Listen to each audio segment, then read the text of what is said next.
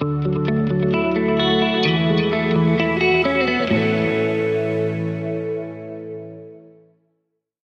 welkom bij de podcast Eveline in Boekenland over de mythes, geheimen en revoluties van het boekenvak. En vandaag heb ik de gast Judith Taman, schrijfster van het boek Miskraamsels, uh, Mindfucks en verwerking van miskramen. En uh, ik heb Judith begeleid bij het schrijven van haar boek. En als eerste ben ik gewoon heel benieuwd welke mythe zij zou willen doorbreken als het gaat om het schrijven of verkopen van een boek. Oeh, nou, ik denk dat je er heel veel geld mee verdient. dat is niet waar. Eh, nee, absoluut niet. Dat is echt wel een, uh, uh, toch wel echt een, een, een goede investering, laat ik het zo zeggen. Ja, had je het idee, voordat je begon met het schrijven van je boek, wat was toen je beeld van het boekenvak? Dacht je inderdaad dat je er rijk mee kon worden of zat jouw drive ergens anders? Ja, mijn drive zat echt wel ergens anders. Want mijn doel was niet zozeer geld verdienen ermee, maar wel een boodschap overbrengen en steunen en, en en inspireren vooral. Ehm, maar ja, en ik, je weet verder niet hoe dat zit. Weet je, ik ben geen schrijver van nature. En het is al helemaal mijn vakgebied natuurlijk niet.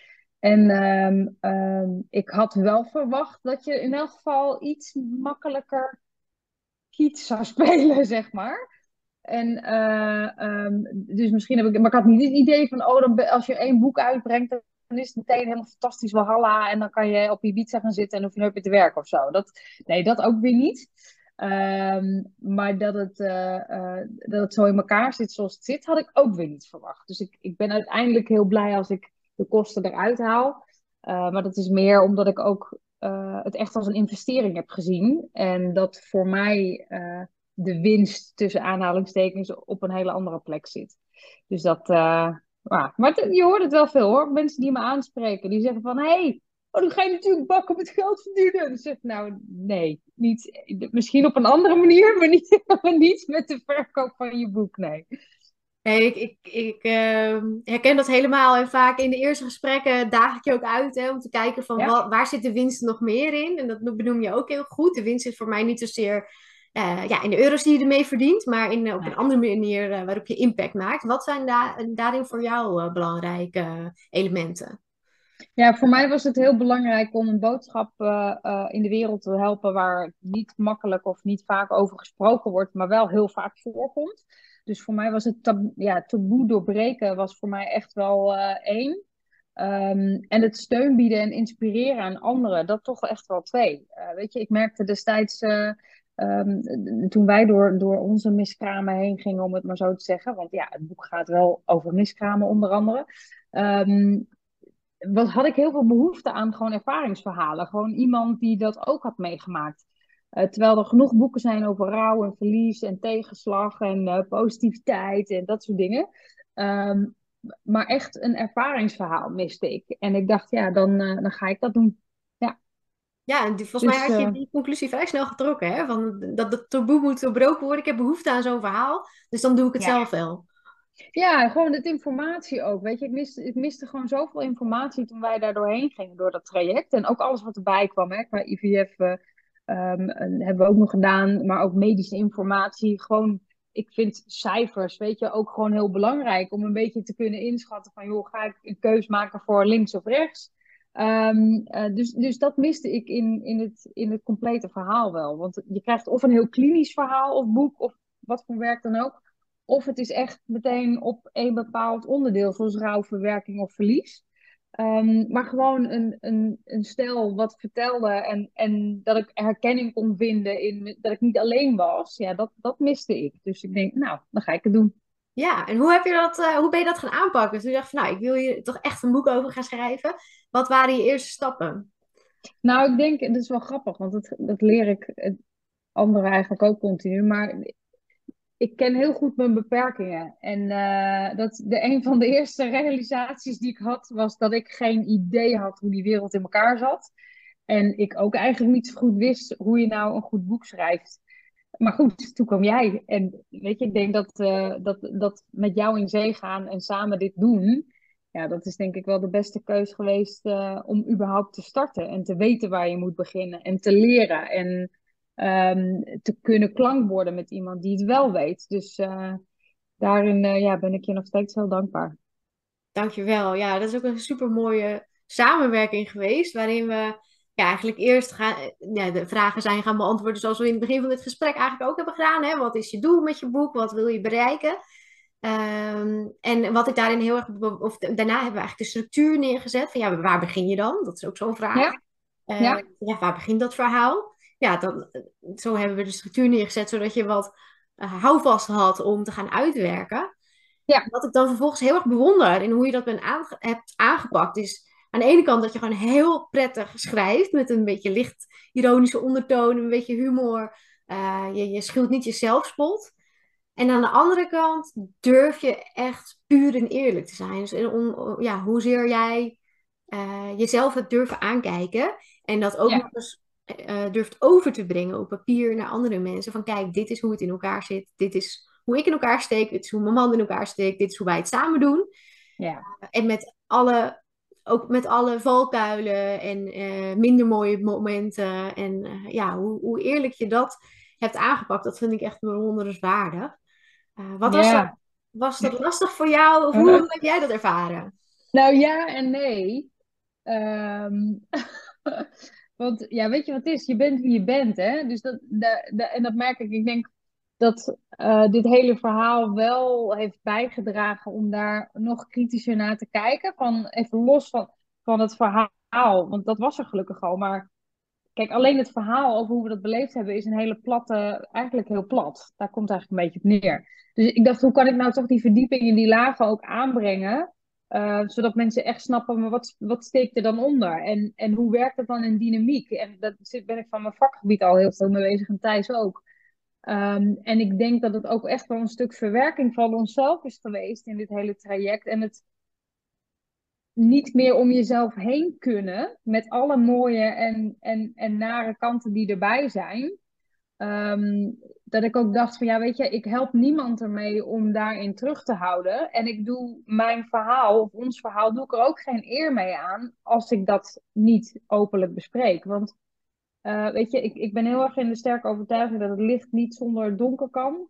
Um, en, en die balans is er altijd. Je bent niet altijd helemaal top. En er zijn dingen die vanuit je verleden misschien meespelen. Um, waar je nog niet mee gedeeld hebt.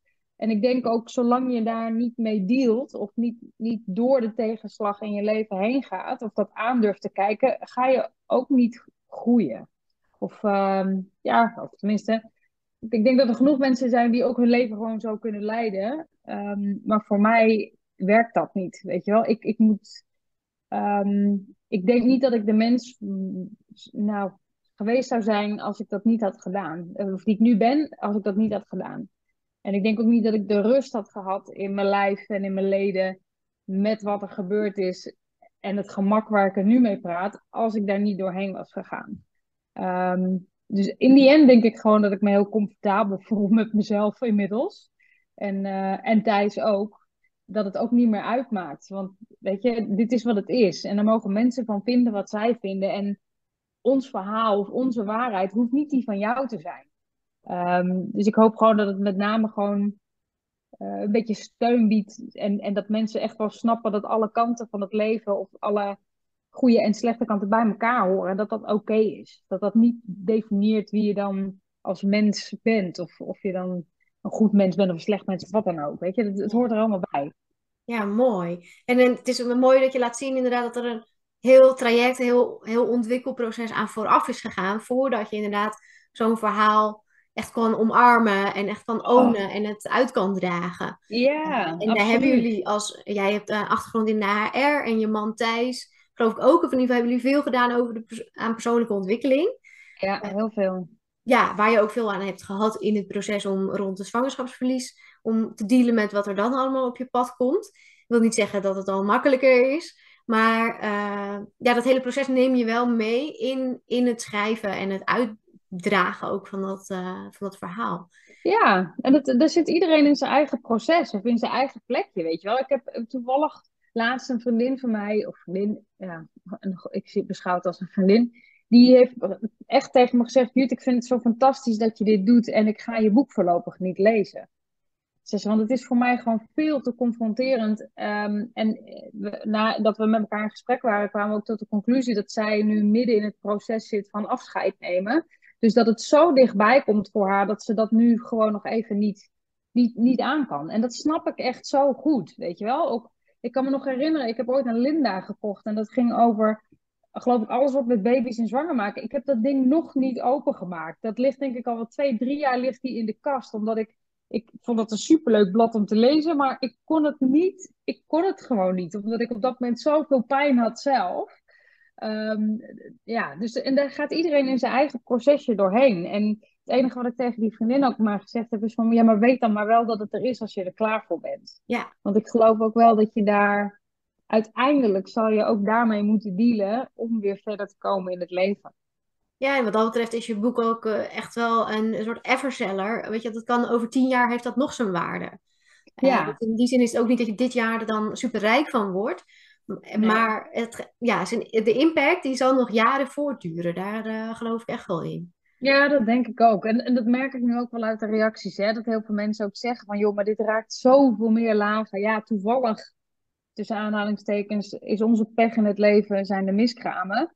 Uh, maar dit, dit raakt ook mensen die een andere vorm van verlies of rouw of tegenslag in het leven hebben gemaakt. En, en ik vind het ook wel bijzonder om te merken dat daar juist ook wel de comments nu over komen van joh, dit gaat veel verder dan alleen miskramen. En dat, uh, ja, dat vind ik wel bijzonder hoor. Ja, zeker. Nou ja, vandaar ook uh, die titel en miskraamsels. Dat gaat dus niet over de miskramen, maar over wat je aan jezelf voor verhalen uitkraamt. Ja. dat je zelf gaat geloven over jezelf. En ja, uit ervaring weet ik ook als het lastig is om zwanger te worden, dat je dan van alles over jezelf kan vertellen over wie je waarde als vrouw en je waarde ja. als je geen moeder bent. Uh, en, maar zo zijn er natuurlijk met allerlei tegenslagen.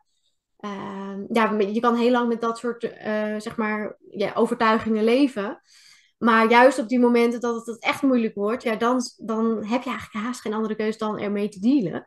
Ja, en, en... ja en, en, en weet je, tegenslag doet gekke dingen met mensen. Hè? Ik bedoel, je wordt er onzeker van, wat jij nu net al noemt. Weet je, gaat twijfelen aan jezelf. Uh, je hoort opmerkingen. Nou, dat gaat soms ook ergens in je hoofd zitten. Dus voordat je weet heb je een heel verhaal in je hoofd gemaakt die niet klopt. Of, of uh, die je niet constructief helpt, ook in verwerking. En, en weet je, dat, dat is echt universeel. Ik denk dat iedereen in het leven wel een keer te maken heeft gehad met, met die onzekerheid of twijfel aan zichzelf. Of ja, überhaupt het idee dat je een beetje gek wordt omdat je verdrietig bent. Of, om, of als je je partner verliest, voor ik noem maar wat. Of, of je relatie gaat over. Weet je, dat zijn allemaal toch wel periodes in het leven dat je toch wel drie keer achter je oren krabbelt van... Hmm, wie ben ik eigenlijk? En wat gebeurt er nu allemaal? En dat, uh, ja, dat, daar raakt miskraamsels wel, uh, wel een hele brede groep, ja. Ja, zeker. En wat zou je uh, andere schrijvers willen uh, meegeven als advies als je nu kijkt van hoe jij, uh, nou ja, hoe jij dat hele schrijfproces hebt doorgemaakt. Um, wat als, als er nog zo iemand rondloopt die denkt, oh maar ik heb iets meegemaakt en ik had zo'n behoefte aan een boek hierover, maar dat is het niet. Zal ik het zelf gaan schrijven? Wat zou je diegene willen adviseren? Oh ja, ik heb drie tips. Eén, uh, doen ga gewoon beginnen. En ik zeg gewoon, maar soms maken we dingen heel ingewikkeld. Maar ga beginnen, want zonder actie geen resultaat. Dus als je niks doet, dan gebeurt sowieso niks. En zo'n boek, ik durf je te zeggen inmiddels, die ontstaat niet vanzelf. dus ga gewoon beginnen. Um, erken gewoon ook heel goed waar je tekortkomingen liggen. Um, kijk, zoals ik ook al zei, van ik ben niet bekend in jouw wereld, uh, in jouw boekenland, Eveline. Um, dus ik, ik ben heel blij dat ik jou via via gevonden heb om daar meer sturing en, en een beetje guidance in te krijgen. Dus uh, zorg ook gewoon dat je de juiste mensen om je heen verzamelt die je, kun, die je kunnen helpen met, met het bereiken van jouw doelen. En ik denk, uh, last but not least, en dat is denk ik de grootste onderschatting die ik gemaakt heb. Uh, reken alsjeblieft genoeg tijd in voor je promotie en je, en je verkoopproces. ik heb natuurlijk een hybride versie gedaan. Dus we hebben een, ik heb het boek onder eigen naam uitgebracht, maar wel met hulp van Eveline, een vormgever en een uitgever die het drukproces heeft beheerd. Maar de verkoop en marketing, dat lag echt helemaal bij onszelf. En daar hebben we ook bewust voor gekozen, omdat we dat in eigen beheer wilden houden. Ehm, maar er zit gewoon echt heel veel extra werk in. En dat, ja, het lijkt niet veel, maar je onderschat het toch. Weet je, contact houden met al die bladen, weer aanschrijven. Want één nee uh, uh, is, is de volgende keer misschien wel een ja. Um, dus ook blijven volhouden daarin, omdat dat soort kanalen. Ja, je moet maar net even de goede timing hebben, of net op het juiste moment bij een. Um, um, een journalist op tafel komen te liggen wanneer zij een item hebben. En de ene keer is dat misschien nee en de andere keer ja. Maar daar moet je dus wel tijd voor maken. Want anders dan, ja, dan, dan verdwijnt het ook heel snel naar de achtergrond of in de waan van de dag. Dat je met je eigen werk of bedrijf bezig bent. Dus dat zijn wel de, de drie dingen die ik, echt, um, die ik echt wel mensen wil meegeven. Ja, mooi. Oh, ja, en nog één. Trust the process. Weet je, creativiteit laat zich niet leiden. Dus schrijf gewoon ook wanneer het goed voelt. En ga, tenminste, ja, ik had er wel tijd voor gepland, maar dat werkte voor mij voor geen meter. Dus ik moest gewoon, als ik in één keer de kriebels had, gaan zitten en bezig. En dan kon ik echt hoofdstukken wegtikken. Um, maar vertrouw ook op het proces daarin. Dat gebeurt, dat die flow die komt, die komt. En anders heeft Eveline daar hele goede oefeningen voor. ja, fijn. Maar ik, ik geloof daar ook echt in inderdaad. Dat als je dan voelt dat dat, dat veel makkelijker werkt. En ook door jezelf alleen al dat toe te laten, ontstaat er alweer zoveel meer ruimte en mogelijkheden dan wanneer je denkt, oh, maar nu moet het, nu moet het. Ja, het werkt echt niet. Doen. Ja, ja. het werkt niet. Ja, ja zijn er nog... Uh, zeg maar, die miskraams zijn eigenlijk een soort mindfucks. Zijn er ook nog mindfucks, andere mindfucks op het gebied van schrijven of het uitgeven van je boek, waarbij je dacht van, oh, maar dat loopt toch wel heel anders dan ik had verwacht? Mm, nee, dat valt eigenlijk wel mee. Maar dat komt ook wel, denk ik, omdat, um, weet je, jij had me ten eerste heel goed geïnformeerd, dus daar ben je al een beetje door voorbereid. En uh, uh, de vormgever en ik hebben een hele goede relatie, dus we konden heel goed met elkaar schakelen. De man de, zeg maar van de uitgeverij, ja, weet je, die, was ook, die is ook zo ervaren. Dus die heeft me ook in zoveel dingen gewoon goed geadviseerd en me een beetje opgeleid. Dus het, nogmaals komt het weer terug, denk ik, even op uh, zorg dat je de juiste mensen om je heen vergaart om je te helpen waar, jij, waar jouw kennis gewoon niet reikt. En, uh, en dan kom je denk ik een heel eind. Dan word je ook niet heel erg voor verrassingen kom je dan te staan. Weet je wel, dat, dat heeft mij enorm geholpen. Ook in het maken van keuzes van uh, ga ik het zelf uitbrengen of gaan we het naar een uitgever doen of, of hoe gaan we dat dan doen. Dus dat, uh, dat vond ik heel prettig. Ja, mooi. Mooi hoe, uh, hoe je echt de vruchten hebt kunnen plukken omdat je gewoon toegeeft van oh ik weet het allemaal niet. Ik ga mensen daarin verzamelen die het wel weten en ja, van die krachten weer putten.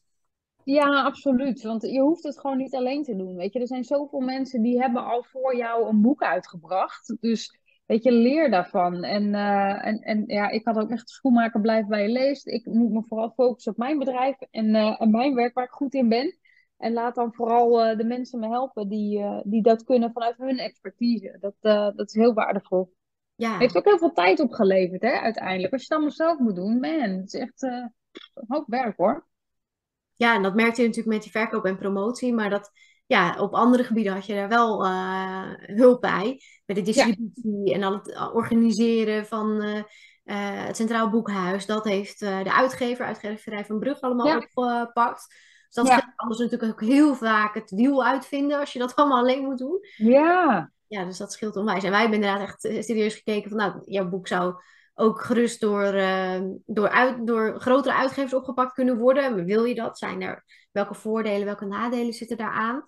Uh, dus daar hebben, ja, dat hebben we ook wel van beide kanten. Van alle mogelijkheden hebben we daar wel van afgetast, denk ik. Ja, absoluut.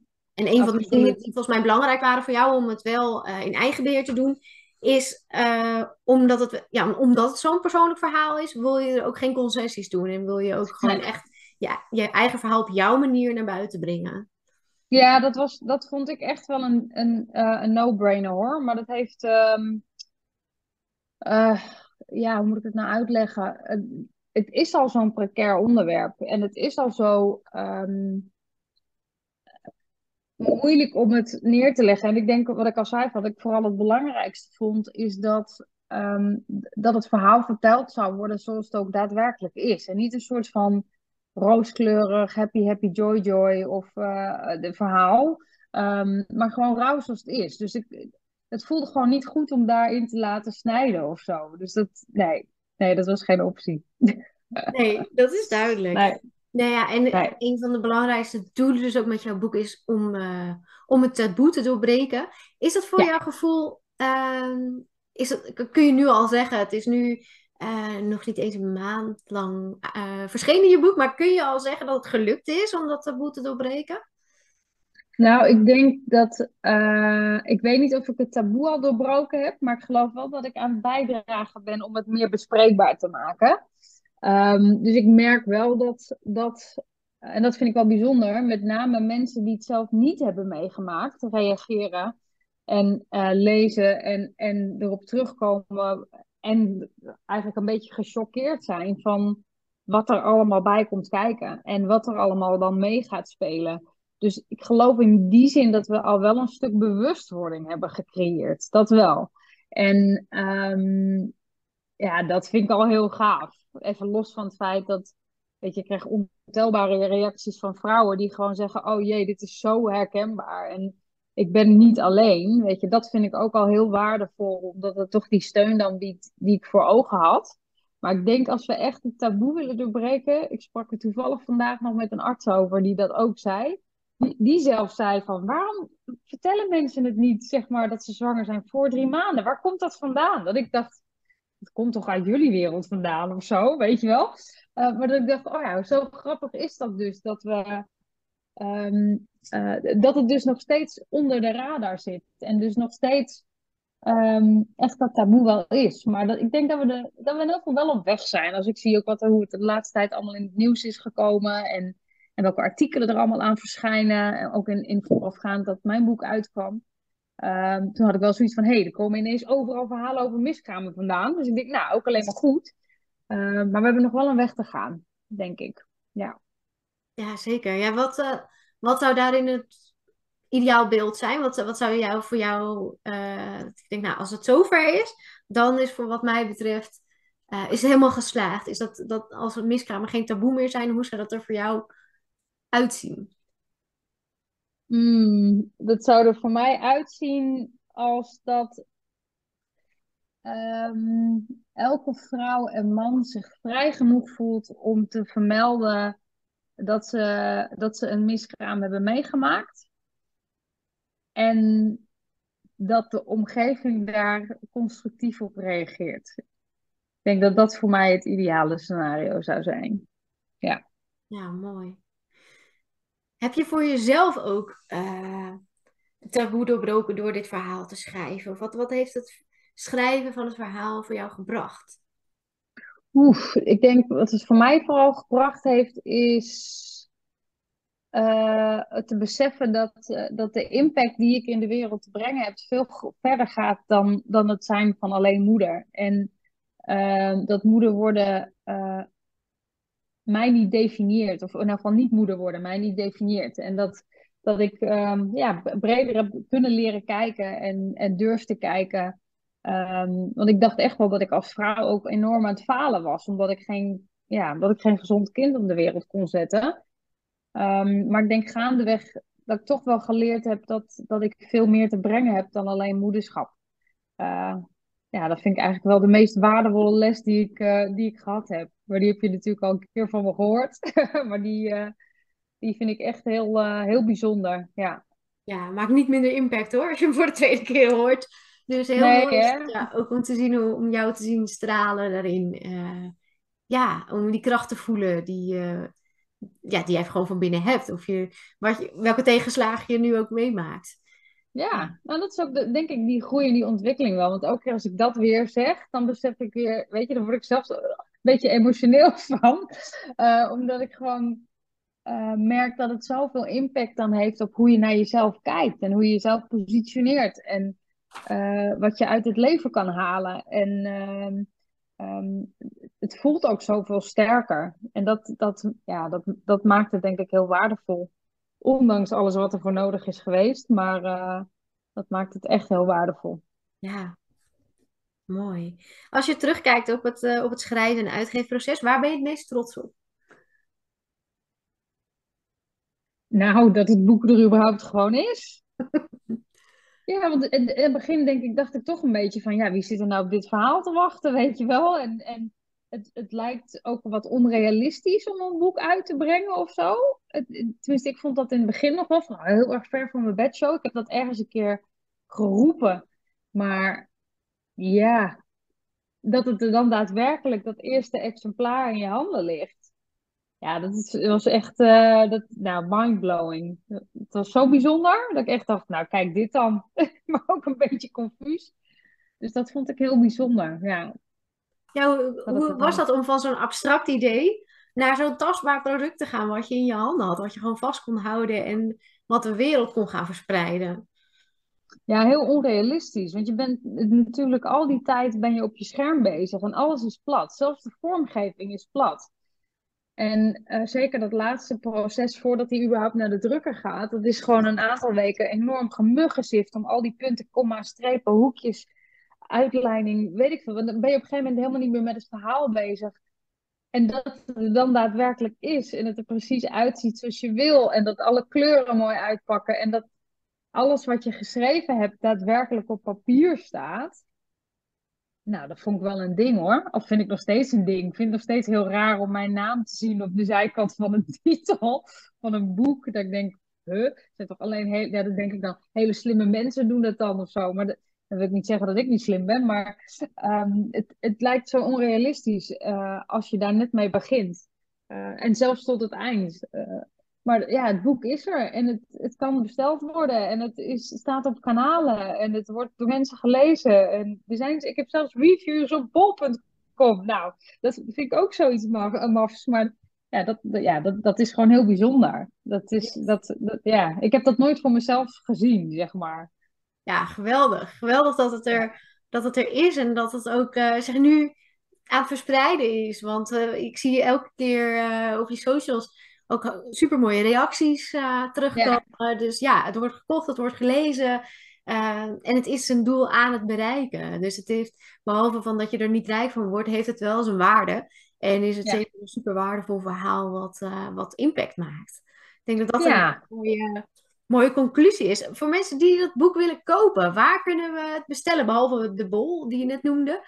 ja. Kunnen we op je eigen website ook terecht? Ja, je kan uh, in de webshop van het Human Resources Lab.nl, daar kun je hem kopen. Je kan hem kopen bij uitgeverij van Brug op de website rechtstreeks. Die doet ook alle distributie, dus dat gaat altijd het snelst, zeg ik altijd maar. Ja, en dan op bol.com is hij te bestellen, op de Readshop uh, online en uh, Bruna online ook. Dus heel veel online is hij te verkrijgen. Um, ja, en, en, en ook te bestellen bij de betere boekhandel. Ja, want voor, een, uh, ja, voor zo'n tastbaar fysiek product is het toch altijd nog fijn om, uh, om de boekhandel in te lopen. En ze kunnen gewoon, ook daar kan je gewoon je boek bestellen dat het de volgende dag in huis is. Dus dat is ook heerlijk als ze, mochten ze hem niet op voorraad hebben. Dus als je hem niet ziet liggen, vraag gewoon. Hebben jullie ook het boek misgegaan zoals of kun je dat voor me bestellen? Uh, doe dat zeker. En schrijf een review, zou ik willen zeggen, als je naar de, aan deze naar deze podcast luistert, het boek koopt, gelezen hebt, laat, uh, ja, zowel Judith als ik worden super blij ervan om te horen hoe mensen het ervaren hebben om het uh, te lezen. Absoluut. Uh, ja, en dan gaat jouw verhaal hopelijk nog veel meer mensen bereiken. Ik hoop het. Ja, zou je nog voor iemand die die echt nog wel even over die streep getrokken moet worden. Die ook denkt van ja, een boek schrijven, wie zit daar wel niet op te wachten? Wie ben ik dan wel niet om een boek te schrijven? Je zei al, ga gewoon doen. Je hebt al hartstikke goede tips gegeven. Heb je nog één uh, uitsmijter die je mensen mee wil geven, die nu aan het luisteren zijn? Ja, ik denk, um, ja, jouw perspectief is belangrijk. Weet je, de wereld is, is, wordt dus we, we, wonen hier met ontzettend veel mensen. Iedereen heeft zijn eigen beleving en zijn eigen perspectief. Ehm, en ik denk dat uh, die bewustheid van die verschillende pers perspectieven juist ontzettend waardevol is om ook af en toe eens vanuit een ander uh, mee te kunnen denken of, of, of rekening ermee te kunnen houden. Of, of zelf te leren hoe je andere dingen of dingen in het leven gewoon ook anders kan zien. Dus elk perspectief is belangrijk. Ook die van jou. Als je denkt van nou, ik heb iets en ik, ik weet eigenlijk niet of ik dat wel moet doen? Ja, want de wereld zit ook op jouw verhaal te wachten. En de wereld zit ook op jouw perspectief te wachten. Uh, want uiteindelijk leren we daar denk ik allemaal weer van. En, uh, en zo, zo helpen we elkaar allemaal een beetje. Ja, mooi. Mooie afsluiter. Dankjewel voor dit mooie gesprek, Judith. You're welcome. Wil jij nou ook weten hoe je van jouw idee een boek kan maken? Kijk dan op mijn website evelinebroekhuizen.com hoe ik je daarbij kan helpen. En plan gelijk een gratis kennismakingsgesprek met me in.